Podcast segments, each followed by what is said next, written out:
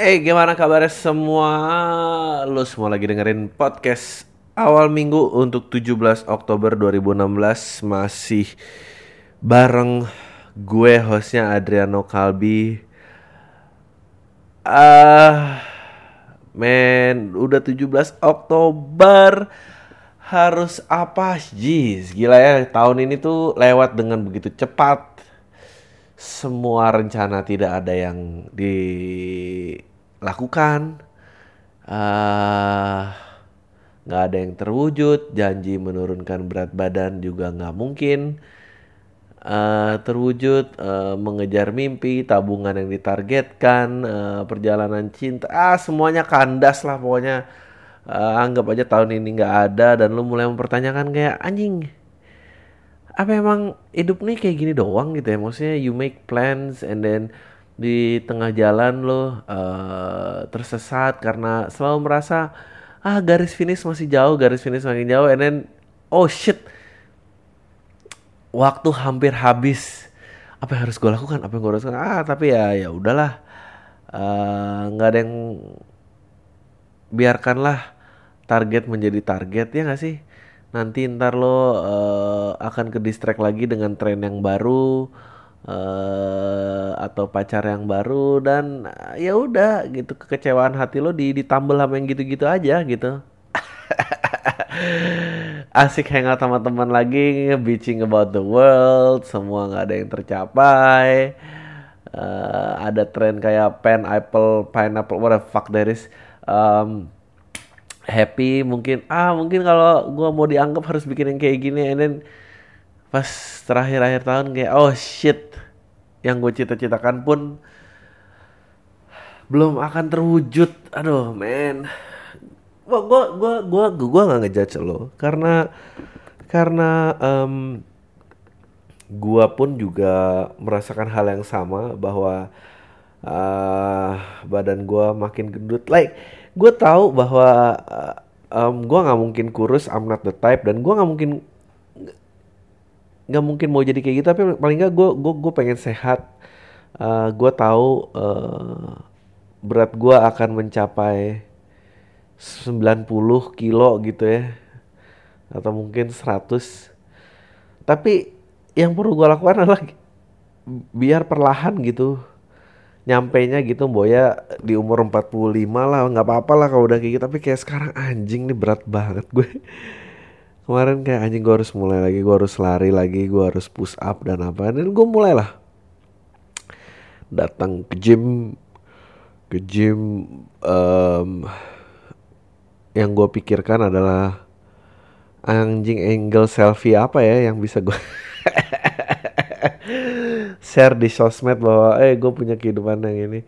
Enggak lah enggak kayak gitu. Em, gue berusaha jogging lagi gue beli sepatu belum sepatu lari gue yang kemarin jebol. Terus yang jebol ya udahlah nggak apa-apa berarti emang dipakai gitu. Terus beli lagi terus biasalah beli doang nggak nggak nggak dipakai-pakai gitu. Aduh sebel banget gue tapi beli itu gitu ya kayak lu kalau ngeluarin duit tuh kayaknya enak gitu. Happy gitu. Gue nggak ngerti tuh kenapa kalau keluarin duit tuh happy gitu. Kayak spending money tuh happy. Habis itu ngeliat barang itu ih gue tuh ngapain sih beli itu? Udahlah gue lari. Anjing itu sakitnya badan gue kayak tiga hari nggak hilang. Aduh gue udah jijik banget. Gu- karena karena karena em, dan gue push up anjing 10 kali aja nggak kuat lo gue gemeteran bangsat. Gue kayak satu anjing lo dari berat banget. Bangsat dua. Ah, tuh makan apa aja sih? Dasar nggak ada gunanya. Tiga ini dia nih kenapa semua impian lo nggak akan pernah terwujud? Babi. Gitu kayak anjing berat banget. Empat. Ah gitu gue udah aduh nggak tahu. Gue gue gue cuma sembilan akhirnya gue istirahat Em, ya kar- karena, karena gue juga harus ngurusin badan gue ada target nih sekarang untuk ngurusin badan karena em, gue harus persiapan eh, untuk eh, show yang mau dibikin. Jadi gue harus eh, sehat secara mental dan fisik gitu. Dan fisik nih gue udah gendut pasti ntar stres terus penyakitan. Aduh udah deh. Em,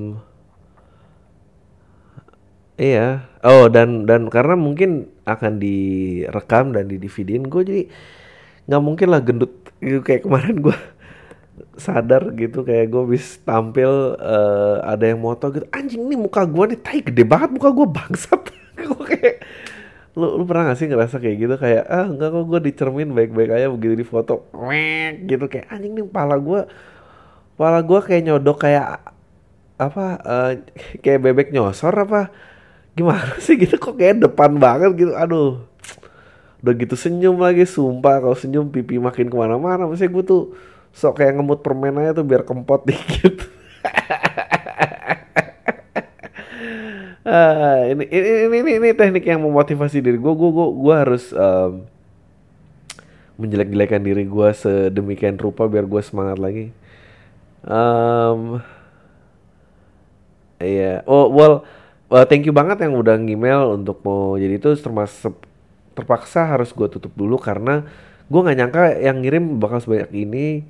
Uh, oke sekarang udah 50 lebih dan gue belum tahu uh, size timnya sebesar apa. Yang jelas um, core timnya sih udah mulai terbentuk dan nanti uh, kalau mulai ada perkembangan itu pasti yang lain-lain akan terlibat gitu.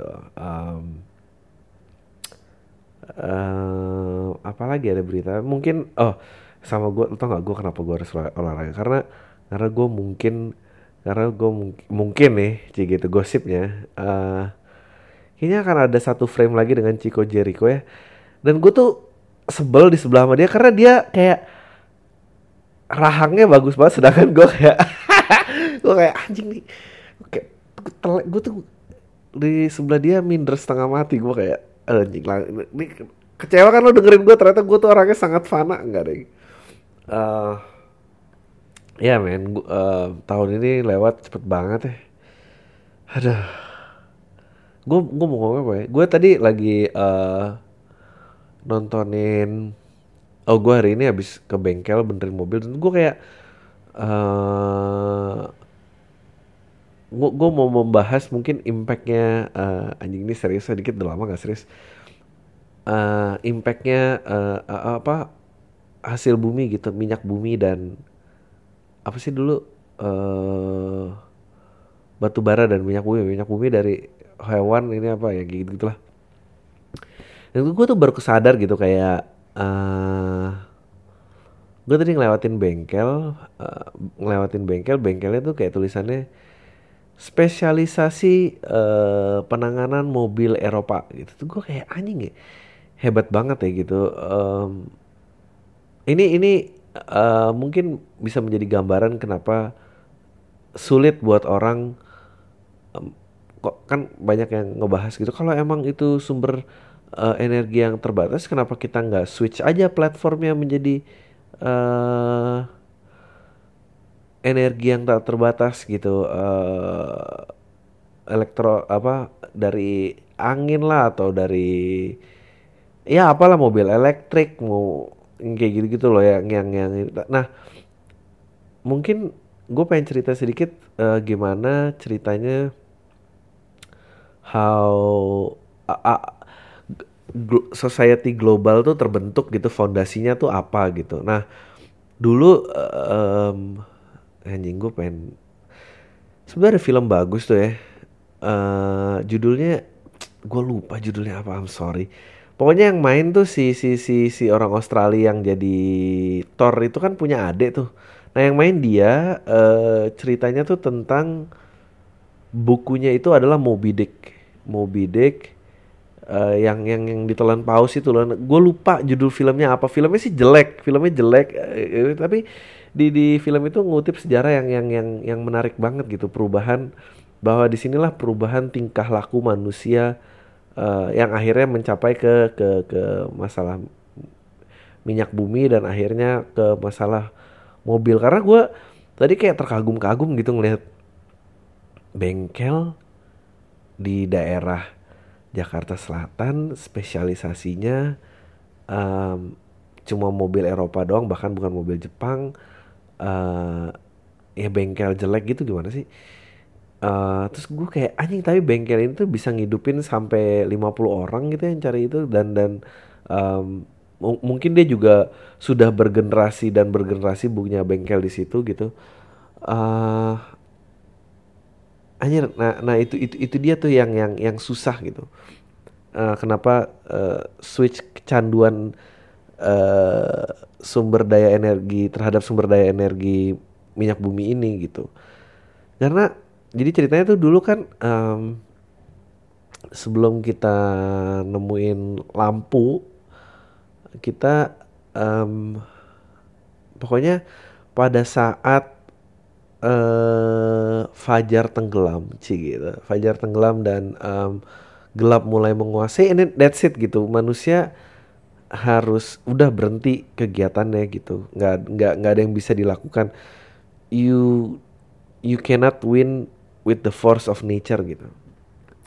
Which is sebetulnya uh, nggak nggak apa-apa juga kalau emang kita berhenti berinovasi gitu dan biarin aja gitu kemajuan zaman cuma sampai situ. Ya pasti dunia ini akan jauh lebih hijau dan tidak sepolusi sekarang gitu.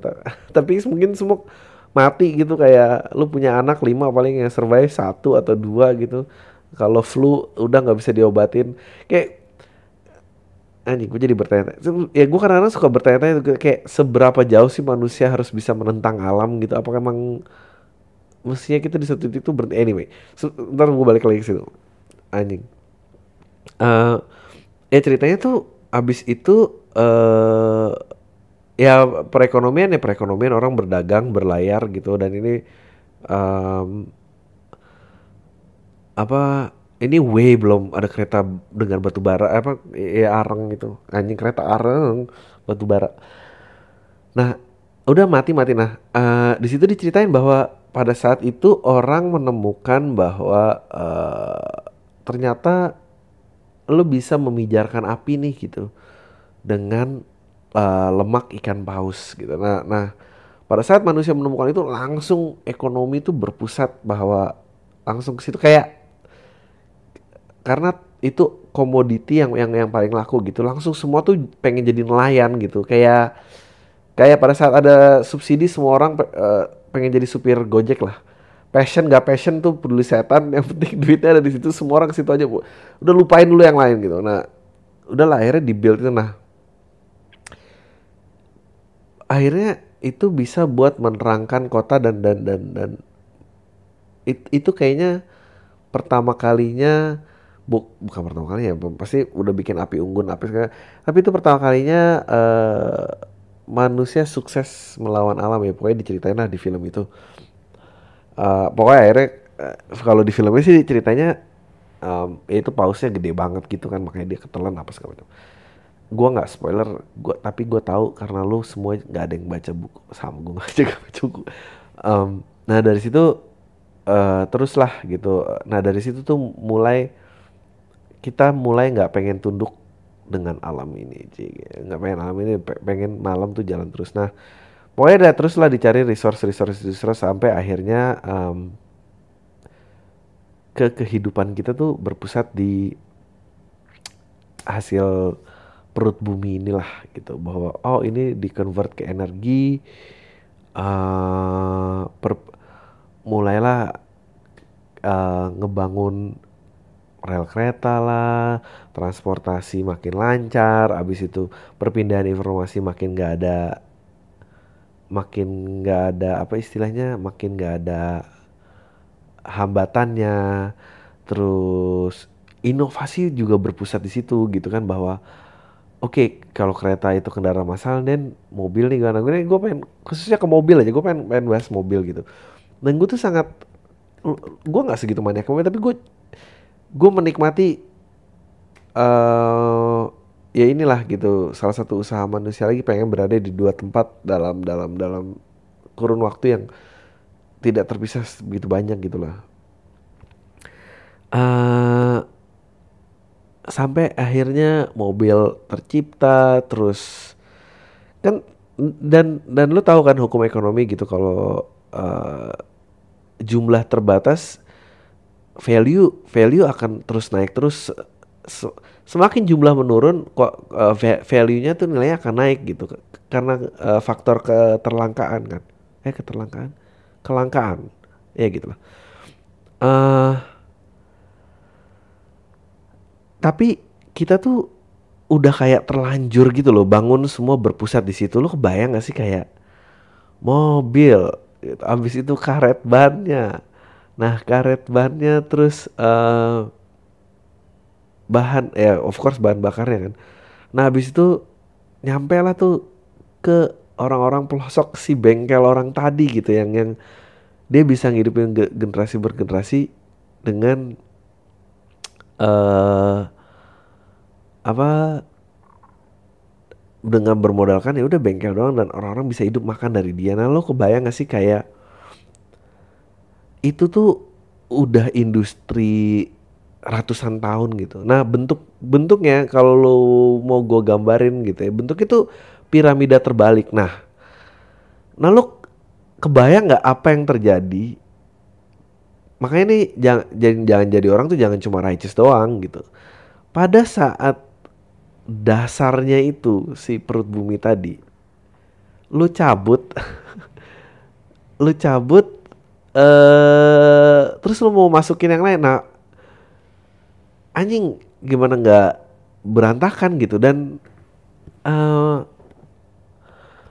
dan itu ya berapa orang yang akan suffer beberapa ya of course yang yang happy-nya adalah konglomerat penguasa-penguasa minyak bumi dan segala macam. Ini hancur gitu bumi mungkin terselamatkan tapi manusia lain yang di piramida terbalik itu loh. Karena uh, ya ya itu sih kegilaannya gitu. Eh, makanya nggak bisa digeser langsung gitu. Gue sih percaya lo bahwa um, the way they they they do business dulu ada, ada dokumenter gue pernah nonton juga tuh uh, Who Killed the Electric Car gitu. Ba terus ada ilmuwan-ilmuwan gitu diwawancara dan mereka bilang kayak dan ini back in tahun 2000-an gitu bahkan belum 2010 lah 2005 dia bilang dengan teknologi sekarang gue tuh bisa bikin uh, mobil elektrik yang yang yang sama gitu. Uh, nah lu nah lu bayangin ya ekstensi industrinya itu adalah nggak cuma cuma masalah ngembangin mobil dan pemakaian BBM itu sampai kayak balapan uh, kecintaan seni lo terhadap mobil sampai udah jadi seni gitu. Terus uh, mungkin pop culture juga udah bergabung ke situ udah menjadi identitas udah menjadi ini gitu kayak uh, nah oke okay lah. Itu itu um, apa itu makanya perubahannya harus pelan-pelan kan. Shiftnya harus pelan-pelan. Elektrik car gimana orang mampu nggak uh, ini kalau dia dan dan mereka dulu kayak banyak juga gosip-gosip kayak orang-orang yang yang kan lu tau kan lu pernah nonton di di apprentice bukan di apprentice tuh. Apa ya judul film ada talent show yang kalau lu punya ide bisnis apa terus lu pitching terhadap empat orang pengusaha gitu mau dimodalin apa enggak bla bla bla. Nah itu tuh uh, mereka kayak gitu juga tuh gitu electric cars dan segala macam. Itu banyak yang kayak akhirnya dibeli paten udah nih gue kasih duitnya to shut you off. And then that's it gitu.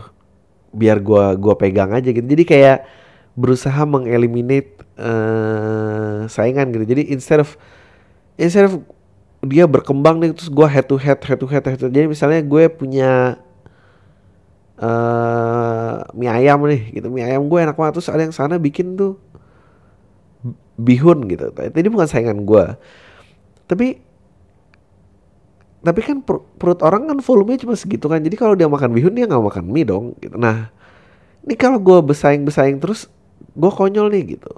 Ada cara nggak sih kayak gue ngetrik dia atau dia ngerasa eh gue pengen berkembang. Ya oke deh gue sebagai gue berubah fungsinya menjadi investor gue beli bihun lo and then yaudah gue I let it sit aja gitu nggak nggak nggak nggak bisa dia apain. Gak usah gue apa-apain diem aja. Akhirnya ada ruangan lagi untuk gue jualan gitu. Dan dan emang praktek itu sering dilakukan gitu. Pada saat itu untuk mengeliminate anything yang source of energinya itu uh, unlimited gitu. Karena in in capitalism unlimited tuh emang bad news gitu. Terus lo kalau unlimited terus menentukan menentukan value-nya gimana gitu. Karena kita tahu bahwa uh, hukum kepuasan adalah eh bukan value itu naik pada saat jumlah menurun gitu. Seperti kayak hukum kepuasan gitu. Kayak lo minum air paling nikmat tuh yang pertama begitu makin naik makin naik kepuasannya turun karena jadi apa yang akan terjadi pada saat um, power struggle itu udah nggak ada jumlah jumlah yang terbaik. Ah, ngomong apa sih ya gitulah. Ngerti gak sih? Nah, gue tuh kadang-kadang. Ya of course ujung-ujungnya um, emang itu bukan bentuk society yang ideal gitu.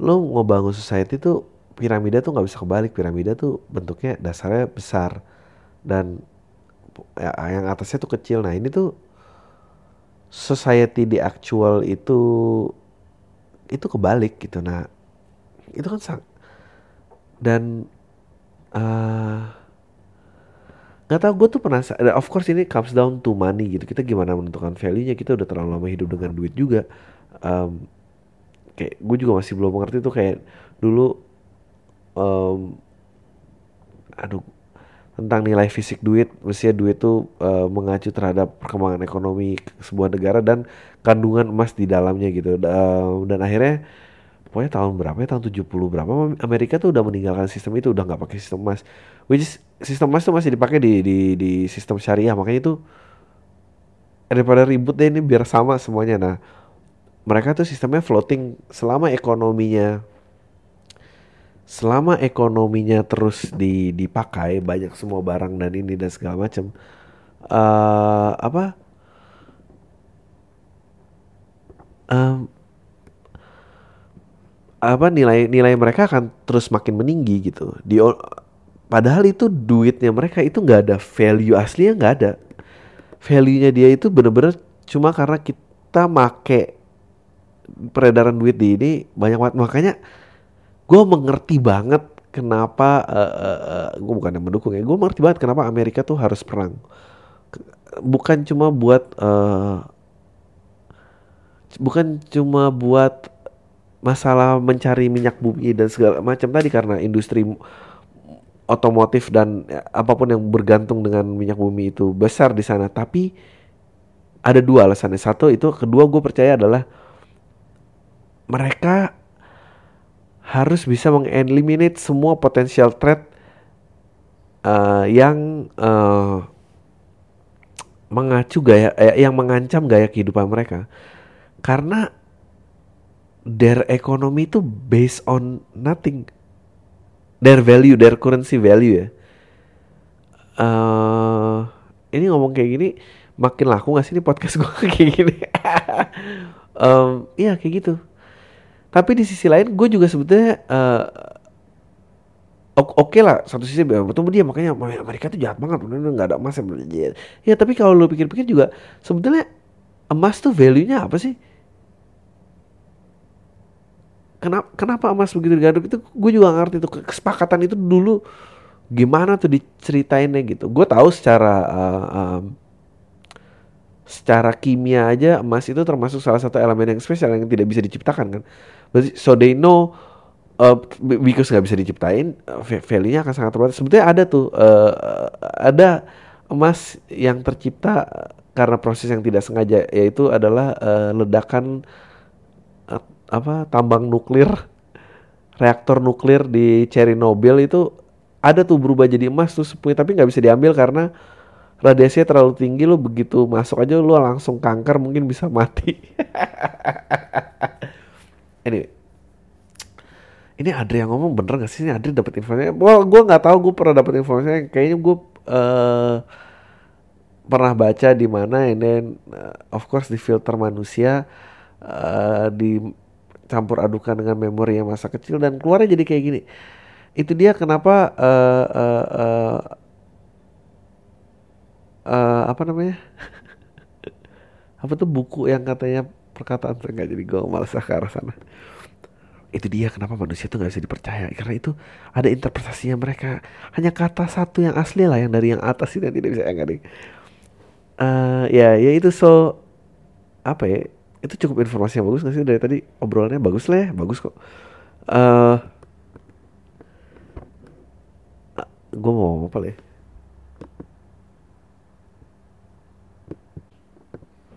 but ya tadi duit apa minyak bumi uh, kita minain si, waktu itu Obama pernah speech bagus banget dia bilang uh, ngerubah society itu emang nggak bisa langsung. Seperti itu tidak ada society yang berubah 180 derajat. Society itu harus dirubah dengan kayak lu uh, nyetir sebuah kapal gitu bahwa perbelokannya tuh apa harus maksimal 25 15 derajat 15 derajat. Karena kalau dibalik 180 pasti kapal itu terbalik. Nah terbalik dan lu bayangin industri ratusan tahun yang di bawahnya minyak bumi kalau lu copot gitu misalnya ya enggak dong kan mestinya kita menjunjung yang baik buat alam lalala segala macam ya tapi mestinya kalau emang lo peduli tentang alam mestinya yang ke kemarin alam bilang kalau malam itu lo tidur lo lo udah tidur aja ngapain manusia masih mau bangun kan nggak bisa kayak gitu. Nah sekarang piramida terbalik ini udah makin gede banget ke atas dan dan berusaha digeser pelan-pelan gitu. Dan I don't know gue penasaran sih will. Gue tuh ragu apakah uh, manusia akan mencapai titik di mana ya itulah utopia yang dijanjikan di mana tidak ada uh, pertarungan untuk memperebutkan energi yang sebetulnya terbatas power struggle antara uh, entar dikuasai oleh negara A lawan negara B atau apa dan atau dikuasai oleh konglomerat A dan gue percaya uh, kayaknya itu nggak mungkin kejadian ya there is no way gitu. Gue nggak kebayang. Ah, betul konsepnya indah gitu. Nggak ada kaya nggak ada miskin nggak ada perebutan uh, sumber daya energi. Tapi terus tuh society macam apa gitu society? Gue kesulitan loh untuk bayar apakah kita semua udah telanjang aja semua hengki pengki dan segala macam? Apakah ya itu kan sebetulnya dulu yang di, yang berusaha diperjuangkan oleh para para hippie kan bahwa uh, tapi gue juga nggak mau sih hidup kayak karena um, mil, memiliki kepunyaan pribadi enak.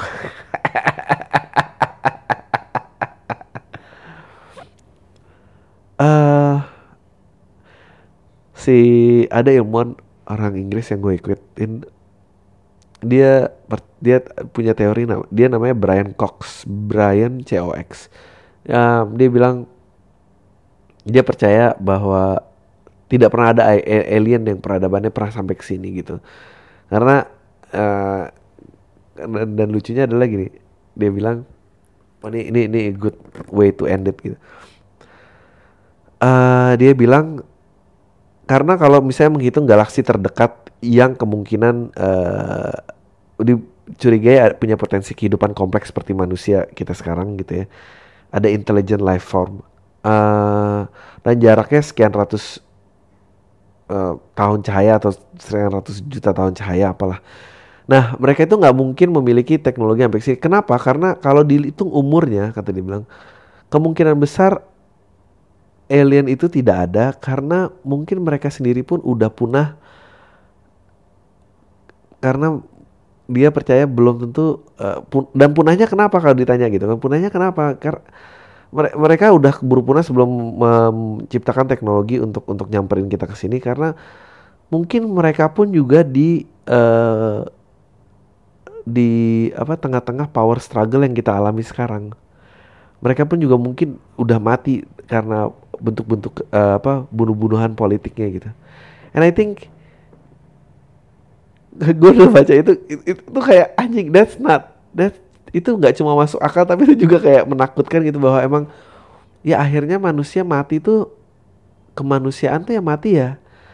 Ya udah emang mati dengan kegoblokannya sendiri aja gitu. Tapi gue juga di sisi lain gue nggak bisa kebayang gitu bahwa um, kita hidup ada tuh dulu teorinya oh, ntar teknologi akan menyatukan kita. oh ya nggak percaya gue teknologi yang ada akan ngebunuh kita semua sih.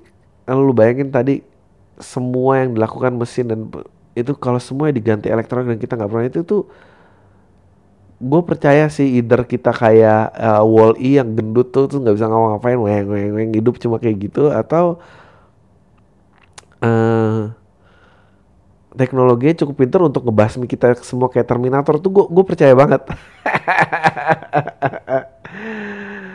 Karena emang emang um, kalau dilihat semua kehidupan suku yang pernah punah kayak kayak kayak suku Inca atau Romans atau apa itu itu semua zaman peradaban itu Mesir punya satu persamaan adalah uh, at one point uh, mereka berhenti berinvensi uh, uh, uh, uh, berhenti menemukan berhenti inventing something society-nya stall dan akhirnya mati uh, jadi ya ya mungkin ya itu kali alam ya gitu. Maksudnya anjing ini aneh banget sih podcast. Tapi lo semua ngerti kan maksud gue kita semua temen kita semua ngelakuin. Um, iya yeah, that's it gitu. Ya, karena susah gitu.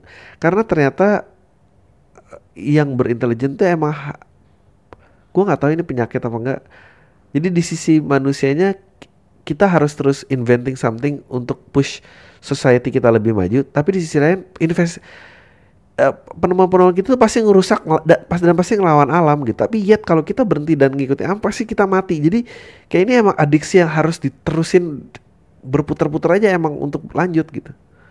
Dan pasti akan power struggle karena susah gitu kita. Dan kita nggak akan berfungsi sebagai satu unit nggak akan jadi kayak lebah atau semut juga gitu ah udah gue tinggal di sini aja. Sekarang saatnya untuk membaca pertanyaannya udah 31 menit lebih. Lumayan lah ya lumayan lah ya.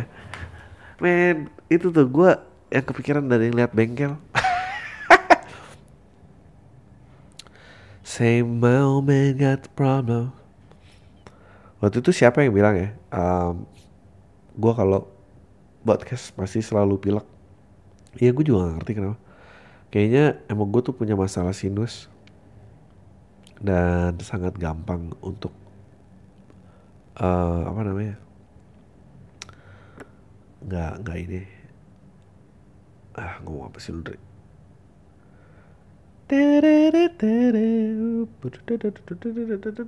Uh, Oke dari Uh, sebutin nama gue aja bang Dewi tapi jangan sebutin email address gue email oke. Halo bang Adri mau numpang tanya apa pendapatnya tentang komit teh teknologi baru itu adalah komit teh adalah it's a tiny chip that will be implanted oke gue bahasa Indonesia ini ya ntar kasihan lagi komit teh itu adalah uh, uh, chip kecil yang nanti akan ditanam di ujung penis pria aduh astaga dan di vulva nya perempuan. Nah, dua microchip ini will be akan disinkronize dengan aplikasi aduh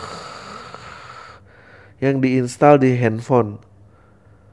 Uh, if anytime uh, jadi misalnya setiap chip ini terlibat uh, dalam kegiatan seksual dia tanpa chip satunya ini akan memberitahu partner yang lain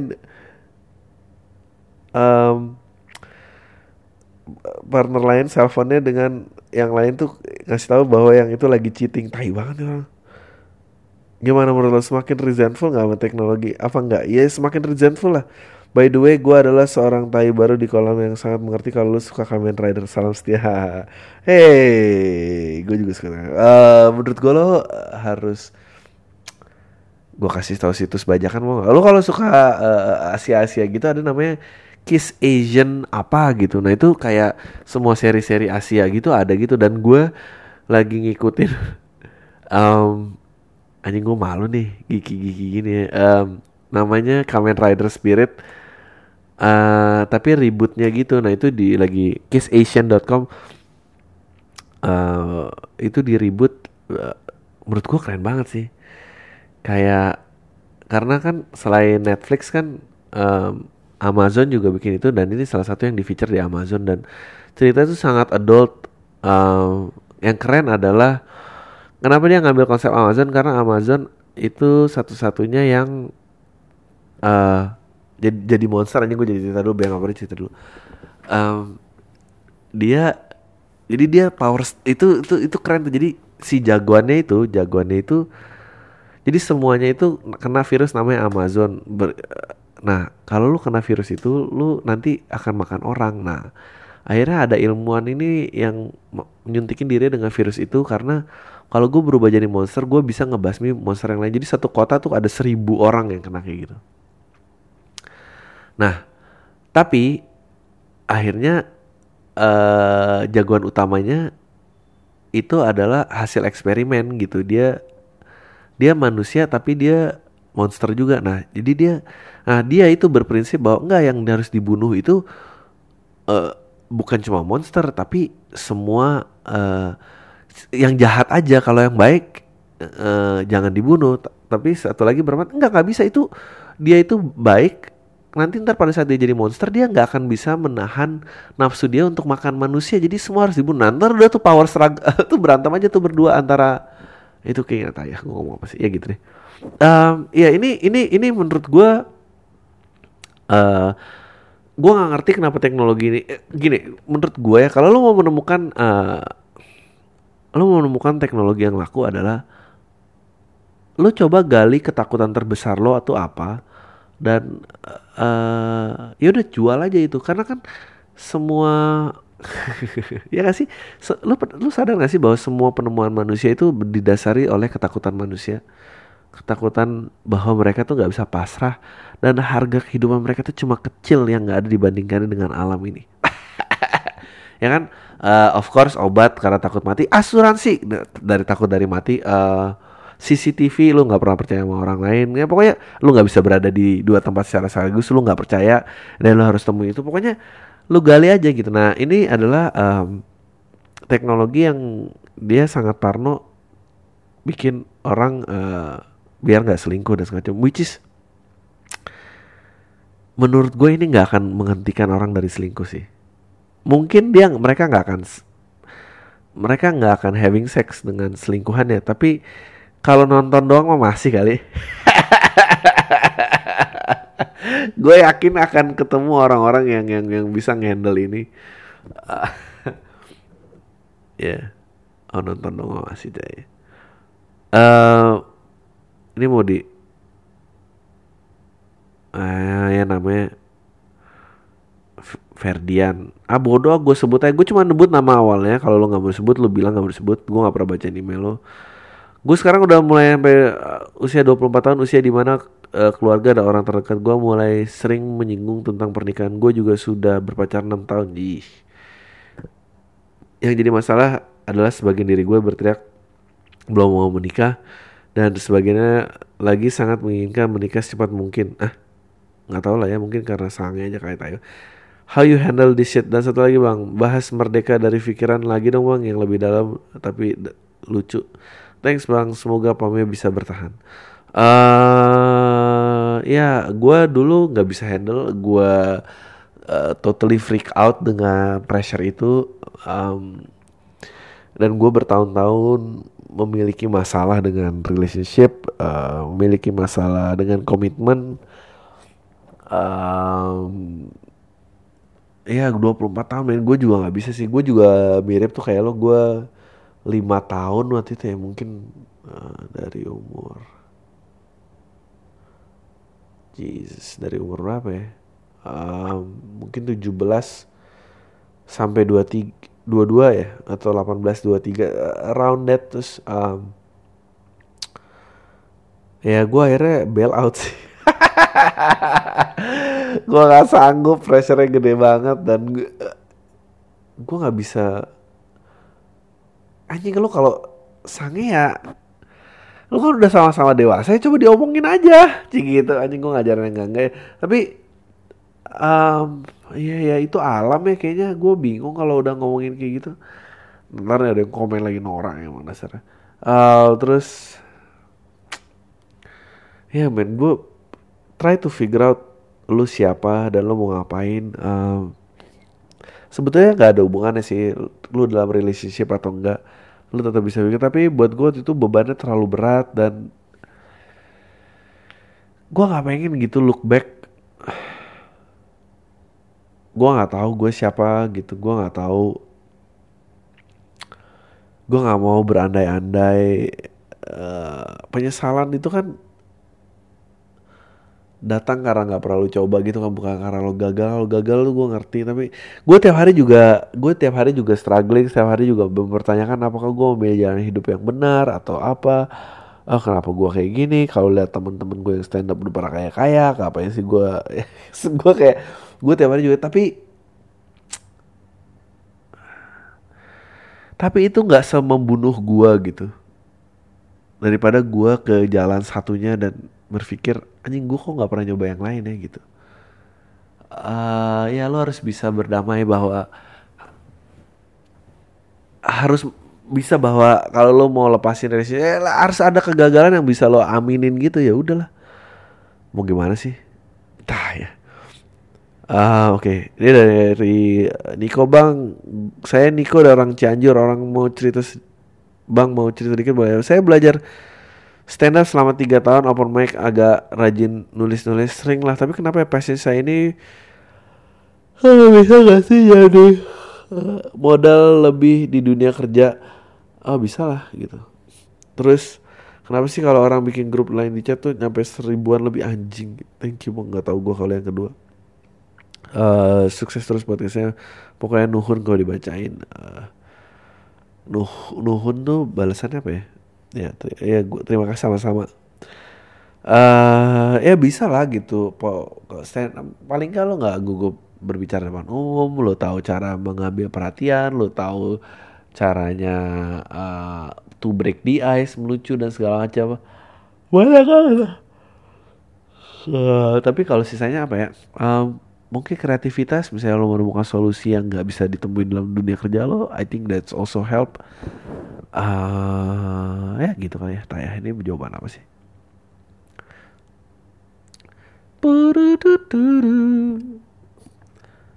Halo Dri, salam Thai Super. Thai Super.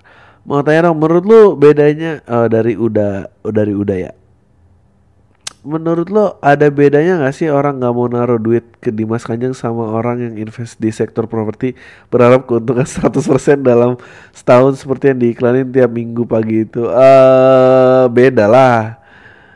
Beda lah. Kalau Dimas anjing gue actually ada joke nanti tapi ntar aja. Lu datang aja ke show gue yang bentar lagi akan dilaksanakan. Awal tahun depan lah gue janji. Sebetulnya udah ada sih tanggal tapi gue nggak mau nyebutin. Um, beda lah kalau sektor properti berharap keuntungan 100% dalam setahun itu mungkin terjadi. Gue kalau setahun pertama sih mungkin muluk-muluk lah ya tapi kalau misalnya misalnya lima tahun gue sih percaya 100% kenapa enggak? Dan itu setahun 20% tuh gede loh. Um, Iya enggak lah ada ininya orang makin banyak sih di, di Mas Kanjeng tuh base-nya apa. Setuju nggak kalau orang yang kriteria nyari pacar sama nyari istri atau suaminya itu beda itu kayak tai. uh, iya gue ngerti waktu. Keep on podcasting by the way, uh, gue masih belum denger setlist di Talk of Life. Semoga ada kesempatan lagi tahun ini. Ya tahun depan aja men. Uh, gue bawain set of life ya masih ada lah 25% gue ambil. Eh 50%. Tapi kan set, talk offline kan cuma setengah jam. Kalau gue ambil 5 persennya berarti itu cuma 15 menit. 70 persen baru lah. Nggak apa oke okay lah. Uh, ya ini kayak tadi gue ngerti sih gue ngerti sih. Kayak misalnya uh, pacarnya ini ngerok eh cewek lo ngerok ya? Tapi kalau gue jadi istri sih gue gak mau yang kayak gitu. Ya tai kenapa lo pacarin gitu? Bangsat lo emang. Kayak tai gue setuju lo oh kita bikin ini aja uh, rubrik kayak tai atau nggak kayak tai kayak tadi tuh orang ini gue cuma bisa ngasih ya kayak itu kayak tadi sih gue ngerti. Kalau saya ini ini gak kayak kenapa gitu. Oke kita yang ini uh, apa yang kayak tai apa yang gak kayak tai. Tadi bagus tuh gue suka tuh. Orang gue nggak pernah kepikiran tuh. Uh, gue gak pernah sih kepikiran pac nyari pacar sama ini. Tapi menurut gue orang yang uh, uh, ngomong enggak lah kalau gue tuh pacaran tuh niatnya nyari istri. Itu juga kayak tai sih. Lo tau kan orang-orang itu kayak aduh aku tuh udah nggak bisa pacar aku tuh nyari istri kamu nggak ini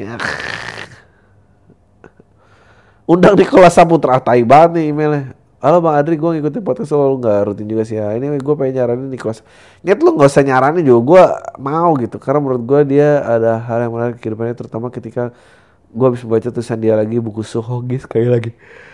Aduh, proses dia memahami tokoh tersebut mempengaruhi kehidupan dia banget setelahnya dan entah kenapa feeling gue kok kayak dia mau dia. Ah, uh, gue gak kenal istri gue yang kenal, tapi orangnya gak tau lah. Bakal cocok dengan gaya podcast lo. Bis gue dengar podcast lo bareng Eki Puradireja. Trims bang. Uh, bang gue mau nanya deh, ntar jauh di podcast ya. Kenapa sih cowok kalau ceweknya salah itu marah bisa cuma berapa jamnya tapi kalau cewek kalau cowoknya salah dan marah sama cewek bisa seharian seminggu. Gue para sampai sebulan didiemin.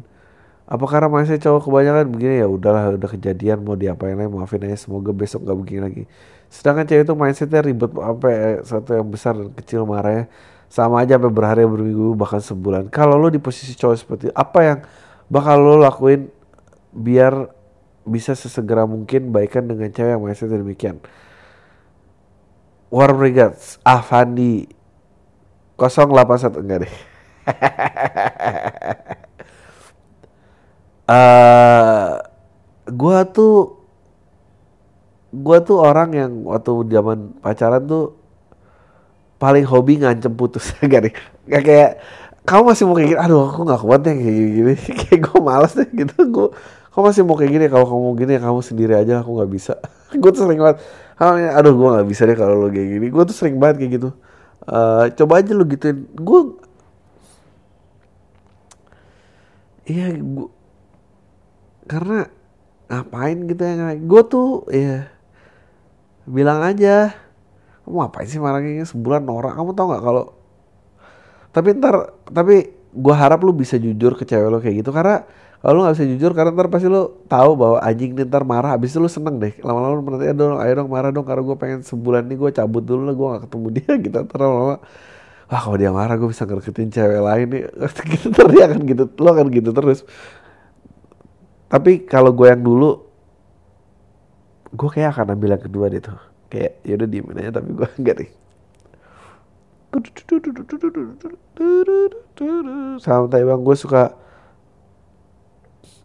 uh, santai bang gue suka sama statement lo masalah pernikahan. Nyinyir gue dengar para pendengar lo yang bahas masalah ini di email. Uh, ada baiknya lo kasih pencerahan buat kita biar bisa nikmati hidup tanpa harus terpaku sama pasangan. Ya oke okay lah. Uh, uh, Dear Bang Andri gue salah satu pendengar PAM dari awal tahun 2016 dan sekarang juga uh, lagi coba-coba buat podcast namanya podcast besok Senin.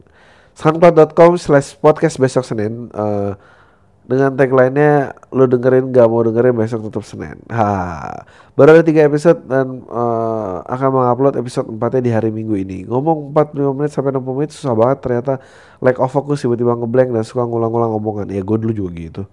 Tapi gue lanjut aja lah uh, kalau nunggu jago ngomong kayaknya nggak bakal jadi jadi gue bikin podcast. By the way gue sekarang berdomisili di Semarang. Gue berapa kali sempat ngadain acara musik.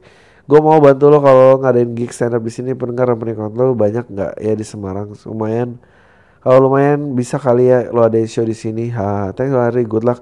Lah mudah kita tangga ketenaran di dunia yang fun ini. Ha. Uh, ya men, gue kalau bisa mau sih tapi gue akan konsentrasi yang show berikut tuh Assalamualaikum Bang Adri Waalaikumsalam Gue kuku dari Bogor Gue dengerin podcast lo dari podcastnya Iqbal Haryadi yang bareng lo. Uh, Keren lah gue salut sama lo di dunia ini. Yang penuh kepalsuan masih ada aja orang yang mau ngomong dan tampil ke publik apa adanya. Lo kayak juru bicara banyak? Enggak tahu. Juru bicara mah tuh show yang satu lagi tuh.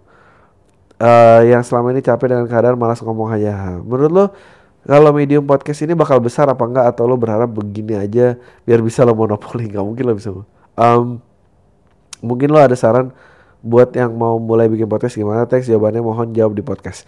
Uh, sebetulnya gue ada ide gimana cara bikinnya besar tapi uh, melibatkan banyak orang duit dan segala macam. Jadi gue belum ngerjain banget banget. Uh, gue berharap ini besar karena um, karena ya gue tuh sangat mencintai radio karena tadinya nggak ada filter gitu antara si penyiar dan, dan dan pendengar tapi akhirnya banyak terlibat pihak yang terlibat akhirnya uh, banyak banget filternya gitu um, dan dan eh, nggak uh, suka gue uh, terus apa ya uh, makanya enaknya podcast tuh itu gitu. Uh, kedua tadi uh, saran buat mulai podcast. Menurut gue saran untuk memulai podcast adalah uh, ya, seperti apa yang kita telah bicarakan tadi kita harus tahu siapa diri kita. Jadi kita nggak nggak nggak palsu gitu sama orang lain. Um, itu sih menurut gue gue gak ngerti kapan inilah hebatnya komedi tren apalagi tren komedi di Indonesia. Gue gak ngerti kapan bahwa uh, interesting itu harus lucu gitu. Menarik itu harus lucu. Nah padahal kan gak harus kayak gitu gitu. Lo cuma harus nemuin lu tuh siapa gitu. Lucu sedih apa itu kan cuma reaksi yang di, di, ditimbulkan oleh pendengar gitu. Dan dan niatan lo apa gitu. Gue sendiri juga nggak cuma dengerin podcast uh, komedi gitu.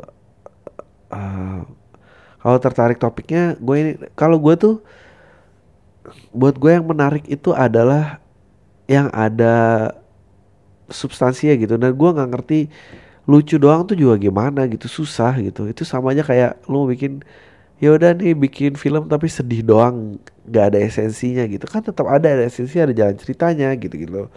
Um, buat yang mau mulai podcast ya lu niatnya apa dulu gitu? Dan dan lu siapa? Kalau lu nggak perlu niat lucu menurut gue lu nggak perlu lucu sih.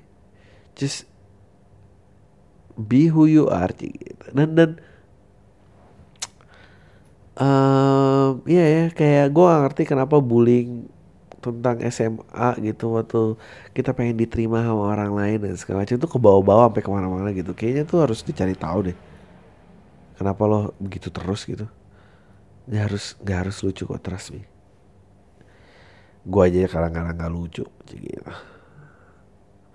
Um, Dear Bang Adriano kami mau tanya pas lu bahas pertanyaan di podcast itu lu udah baca sebelumnya atau bener-bener spontan baca dan jawab pas siaran spontan lah uh, terus gue mau nanya analisa lo dong menurut lu acara provokatif reaktif kenapa acara itu dibubarin uh, kalau memang karena terlalu vokal dan menyindir banyak pihak kenapa acara mata aja notabene seperti itu nggak dibubarin? Jawabannya adalah apakah Najwa an anak orang penting di Indonesia? Ya itu mungkin kedua uh, kedua angkanya provokatif proaktif nggak semata Najwa sih. I, I think gini, yang susahnya di uh, industri hiburan Indonesia ini kalau emang ada namanya skala industri. Uh, lo emang harus menjadi undeniable. Dalam artinya gini, kalau lo mau kontroversial, make sure angka lo tuh setimpal. Kalau enggak, lo cuma nyusahin orang. Apakah apa untungnya buat stasiun TV lo yang kontroversial tapi nggak ada nggak ada ininya nggak ada nggak ada nggak ada apa nggak um, nggak ada TV itu medium beriklan loh. So by the end of the day mereka itu mau angka. Uh, terus kalau nggak ada angka yang hasil, eh, lu, tuh cuma orang kontroversial yang gue nggak bisa jual ke mana-mana gitu. Nah, tapi di sisi lain dari sisi maker adalah uh, apa pun yang lo mau buat kontroversial atau enggak, lucu atau dramatis atau apa pun itu, it takes time to build gitu. Nah, kesadaran itu tuh ada apa enggak gitu. Uh, kita mau bangun gak nih bareng-bareng itu sih yang harus ditanya. Uh, kalau nggak ada, ya susah gitu. Uh, I, ya itulah kenapa uh, mungkin Ceylon Seven dulu band tuh hebat banget ya karena eh, wah, lu suka nggak suka musiknya? Yang hebat adalah kontrol musik di tetap di tangan dia tapi angkanya tuh signifikan. Itu, itu yang yang susah gitu dapetin itu. Gue tuh ya orang tuh sering aja semoga podcast lo nggak nggak nggak terkenal apa. Ini gue bukan masa lo mestinya lo nggak boleh ngarepin doain itu ke gue lo tuh jahat banget doi yang mestinya lo doain adalah bang lo mestinya semoga lo tetap kayak gini terus ya dan angkanya melebar karena karena harus menjadi uh, undeniable kalau enggak gue cuma orang gila yang cop-cop. Lu pikir lu pikir gue suka apa? Pas gue anjing ini nggak tahu beneran ada 2000 orang sih yang dengerin gini. Ah, jadi jadi marah-marah. Uh, salam kenal Bang Aring, gak usah disebut namanya Bang ya mau curhat Bang. Sebelumnya saya senang sama idealismenya Bang Adri uh, dan tetap ngejar passion jadi diri sendiri. Saya pengen gitu Bang. Jadi gini, saya baru aja kerja sebulan di salah satu IO di kota saya. Awal masuk banyak banget staff yang ngeluh sama sikap atasan terutama kalau kasih kerjaan ngepush banget harus sesuai target tapi gaji mereka nggak sesuai UMK aja nggak bang padahal pendapatan per event itu besar banget ya jadi kebangetan aja gitu bang. Saya kerja saya kerja di situ niat awal karena pengen belajar jadi IO dan pelajari sistem mereka gimana. Awal masuk belum dikontrak bang. Masa masih masa training. Saya kerja sesuai target dan dia seneng banget dengan kinerja saya. Bahkan saya dengar dia nggak mau ngelepas saya. Sebelum berjalan saya ngerasa sudah cukup belajar. Saya nggak betah kerja sama dia. Dan lingkungan kerja di sana nggak sehat bang. Sampai akhirnya kami ketahuan swasta baru bikin grup WA sendiri buat sharing masalah kerjaan. Dan rencanain kapan mau resign. Atas baca semua atasnya baca oh, anjing bego banget sih. Dia kecewa berat sama dengan ada grup itu dan ngatain saya nggak kerja sungguh-sungguh dan kerja setengah mati karena dia kerja maunya dia. Saya kerja langsung sama dia. Saya nggak mau selamanya jadi bang staff bang Menurut Bang Adri bagaimana dengan case itu? Saya staff yang mencari ilmu dan plannya mau bikin usaha sendiri. Kalau Bang Adri jadi atasan saya yang punya staff kayak saya, tahu kalau yang mau belajar dan misalkan nggak di komputer perusahaannya, abang gue siap mana? Makasih bang, maaf hanya banget bang podcastnya. Uh, agak sih gue happy, gue nggak pernah, gue orangnya juga bingung kalau ada orang kerja. Ini ngerjain ini aja tuh gue mau bikin show aja itu bikin ada orang ngelamar aja gue bingung banget anjing nih. Kok orang mau sih jadi bawahan gue dan apa segala macam? Gue gue orangnya sangat gak nyaman sebetulnya di di kayak ada yang ngabdi gitu ada um, tapi menurut gue ya kalau gue jadi bos lo ya gue kesel itu wajar banget lah. Bos lo kesel ya lo juga bikin grup WhatsApp. Lagi kenapa sih bisa sampai ketahuan? Gimana? Kalau ngomongin orang tuh yang enak jangan ketahuan. Uh, kedua uh, ya lu baru sebulan kerja gitu gimana sih? Sebulan tuh sudah pengen stop terus pengen ngapain gitu? Ya nggak tahu sih gue sih gue sih nggak nyaranin deh. Ya tapi kalau lu ngerasa udah cukup belajar ya mungkin io cuma bisa di dalam sebulan bisa dipelajari kayak gue juga nggak tahu sih maksudnya. Uh, ya gue sih setuju banget sama orang-orang yang gue seneng sama orang-orang yang uh, sejauh ini ya gue nggak punya konteks mungkin punya konteksnya cuma uh, ngajar dan nah iya gue ngajar stand up gitu gue nggak pernah berusaha memaksakan gaya gue sih dan gue happy. Semakin mereka jadi di sini gue semakin happy karena dan semakin mereka lucu gue juga semakin happy karena gue pengen gitu. Gue selalu suka ada rasa kompetisi itu di gue kalau gue sih tapi tahu di bos lo uh, but ya menurut gue sebulan jangan langsung resign sih. Ngapain lah Aduh, capek banget nih ngecap-ngecap. Uh, apa nih? SFM lagu Indonesia Joko Anwar pede ini? Antar ah, deh. Bang jadi gue punya teman yang di grup lain aktif banget tapi kayak kehidupan nyatanya dia mulu. Saking dia dia sampai nggak punya teman sebangku gitu gue kasihan tapi sebel aja kalau dia rewel di grup lain kasihan. Tapi sebel gimana nggak ada orang kayak gini bang? Jawab di podcast ya. Kalau dia ribut di lain gue bilang lu jawab aja. Ah lu aja di sini ribut. Kalau di kehidupan nyata diem aja. Lu emang lebih senang punya lu kalau lain tuh belum punya grup lu tuh nggak punya temen ya? Anjing jahat banget. Itu gua nggak tahu men uh, lu akrab gak sih sama dia? Kalau gak akrab sih males lah. Uh, gak, gak usah diurusin gitu. Biarin aja. Eh gue nggak suka sih ngurusin orang terserah. Uh, bang cara nolak temen yang nawarin unit link gimana ya? Orangnya ngotot nawarin terus nih. Uh, gue gak ada duit. Gembel loh sekarang kalau gue nggak daftar tuh lu masih mau temen apa enggak kalau enggak nggak ya udah. Sana. Gitu ya atau nggak lu jamnya kayak aduh ujung-ujungnya cuma nawarin unit link. Emang lu sekolah buat enggak enggak sih. Gue temen gue juga ada kok jadi agen asuransi. Gue sempet juga ya nggak tau lah. Uh, ya tadi udah udah dijawab belum ya cara nolaknya? Ya tadi kan udah kan ya. Bang ah, ceritain dong hal yang paling awkward yang pernah lo alami jawab di podcast. Oh I know gue actually waktu pertanyaan ini datang gue sempet ngintip gue kayak anjing apa ya? Apa ya? Akhirnya gue ketemu. Jawab- jawabannya adalah jadi ceritanya gue waktu itu ketemu temen gue nih cewek baru kawin. Terus eh biasalah nyerocos. Nyerocos nggak pakai berhenti gitu. Eh baru kawin selamat ya bla bla bla bla bla terus "Ah, udah punya anak belum? Oh belum belum punya anak. Terus gue gue biasa lah berusaha lucu. Ah iya giliran giliran udah kawin ya punya anak susah ya. Kalau dulu belum punya kawin aja deg-degan kap oh, aduh kalau ini jadi anak gimana? Gitu. Gue ngomong kayak gitu. "Ah, iya gini aja itu terus tau gak dia tuh ngomong "Eh, tapi aku bulan lalu baru keguguran. Anjing terus gue kayak anjing babi babi babi babi. Ayo gue kasih dua nih gue ada satu lagi. Eh gue waktu itu. Lewatin mana ya?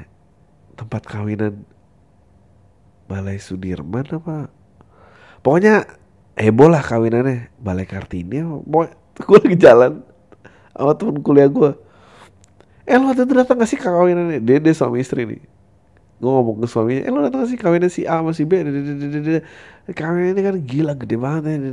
Terus terus gue lagi ngeliatin jendela gue ngomong gini emang beda ya kalau kehidupan orang tajir tuh. Terus udah ini terus istrinya gini "Eh, Dri lo tau kan kalau si A itu sama suami gue sepupuan? Bangsat! Bangsat! Bangsat!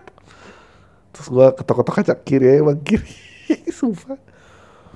Eh, bang kalau cewek udah mau diajak ke kosan dan gue ajakin kondangan udah bisa dicium gak sih jauh dipaham ya, jauh dipaham ya bang thank you. Ya bisa lah. Bisa lah. Eh lo lo orangnya mau mau mau mau izin dulu baru nyium apa? Langsung nyium dulu baru minta maaf belakangan. Maksudnya ada dua nih. Lo either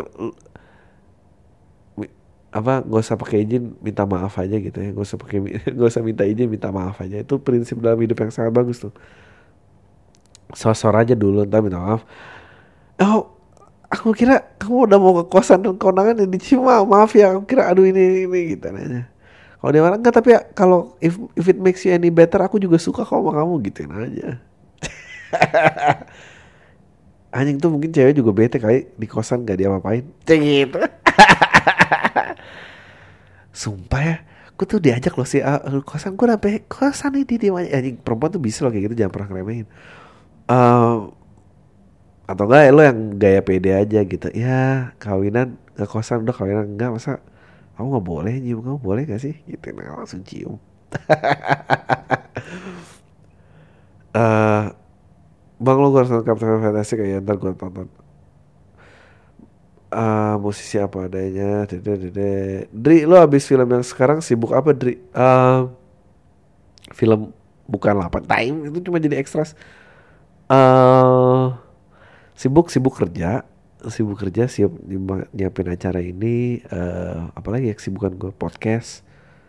Eh eh gue terlibat juga dalam eh, ya bareng Angga Sasongko lah Irfan Ramli penulisnya Cahaya dari Timur Beta Maluku dan Surat dari Praha untuk develop konten-konten digital jualan lah nyari duit. Itu em, apa lagi ya? Eh, nanti ntar Kompas Suci ini mulai mungkin gue terlibat lagi mungkin kok if they, if they still want me kalau gue masih terlibat anjing gue berarti udah lima tahun oh fuck enam tahun eh ya itu kesibukan gue Bang, apakah abang suka ngikutin program musik selain dari US atau Inggris misalnya dari Jepang? Jika iya, apakah ada eh, musisi yang disukai dari Jepang? Terima kasih. Eh Larkensil, gue sangat suka Larkensil. Eh gue sangat suka eh, eh, siapa tuh? Ken Hirai, Hirai Ken, Hirai Ken gue suka. Popstar,